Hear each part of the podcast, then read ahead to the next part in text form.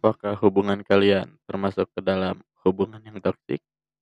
Yuk, kita dengerin episode kali ini.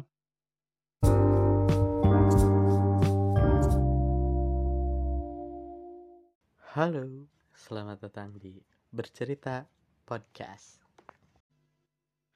Jadi di episode kali ini gue mau bahas 5 ciri hubungan toksik. Nah, yang pertama ini komunikasi sangat buruk. Kayaknya kalau mendekati hmm, akhir hubungan gitu ya atau putus, kayaknya ini komunikasi itu jadi buruk gitu ya. Udah nggak saling nyapa, udah nggak saling peduli, udah nggak ngucapin lagi selamat pagi, udah nggak ngingetin lagi makan, udah nggak ngingetin lagi sholat. Jadi kayaknya udah sibuk sama kegiatannya masing-masing tanpa mempedulikan lagi perasaan eh, lawan dari hubungan kita gitu ya. Nah, yang kedua ini ada mengontrol dan membatasi perilaku. Anjir, ini parah sih.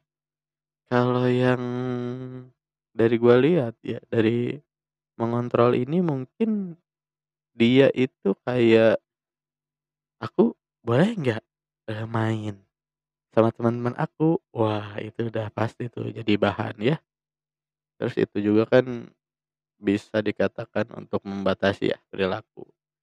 Circle kita jadi sedikit mau main-main keluar juga dibatasin gitu ya. Jadi ya itulah untuk contoh dari mengontrol dan membatasi perilaku. Ini yang ketiga adalah tidak ada rasa hormat dan saling menghargai. Wah, itu pasti kalau udah di akhir-akhir hubungan mau putus, pasti dua-duanya nih eh bernada tinggi. Wah, anjir, pasti tuh rebutan. Siapa yang mau dipeduliin, siapa yang mau di ngertiin. Jadi udah nggak ada lagi tuh konteksnya untuk saling memahami ya. Terus di yang keempat ini pasti ada hubungannya dengan yang ketiga tadi nih. Yang keempat adalah menjadi sasaran pelampiasan kemarahan. Benar juga sih. Karena mungkin kalau misalnya di sebuah hubungan yang dicerita teman tuh eh, di kantornya dia ada kekesalan, terus di dia di tempat kerjanya ada apa ya? Kalau sama bos mungkin dia nggak bisa marah.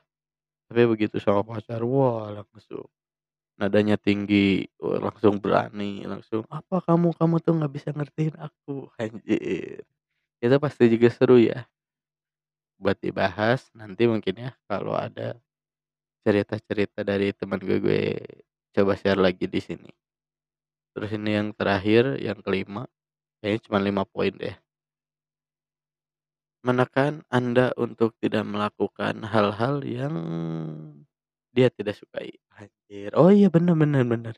Karena biasanya tuh kalau cewek tuh demen banget tuh bilang, "Kamu jangan main bola ya, nanti kamu kenapa-napa." Wah, itu padahal main bola bagi laki-laki adalah kesenangan. Sama kali cewek juga kalau nongkrong, "Kamu gak usah nongkrong. Mending temenin aku aja main bola." Wah, itu pasti jadi um, apa ya?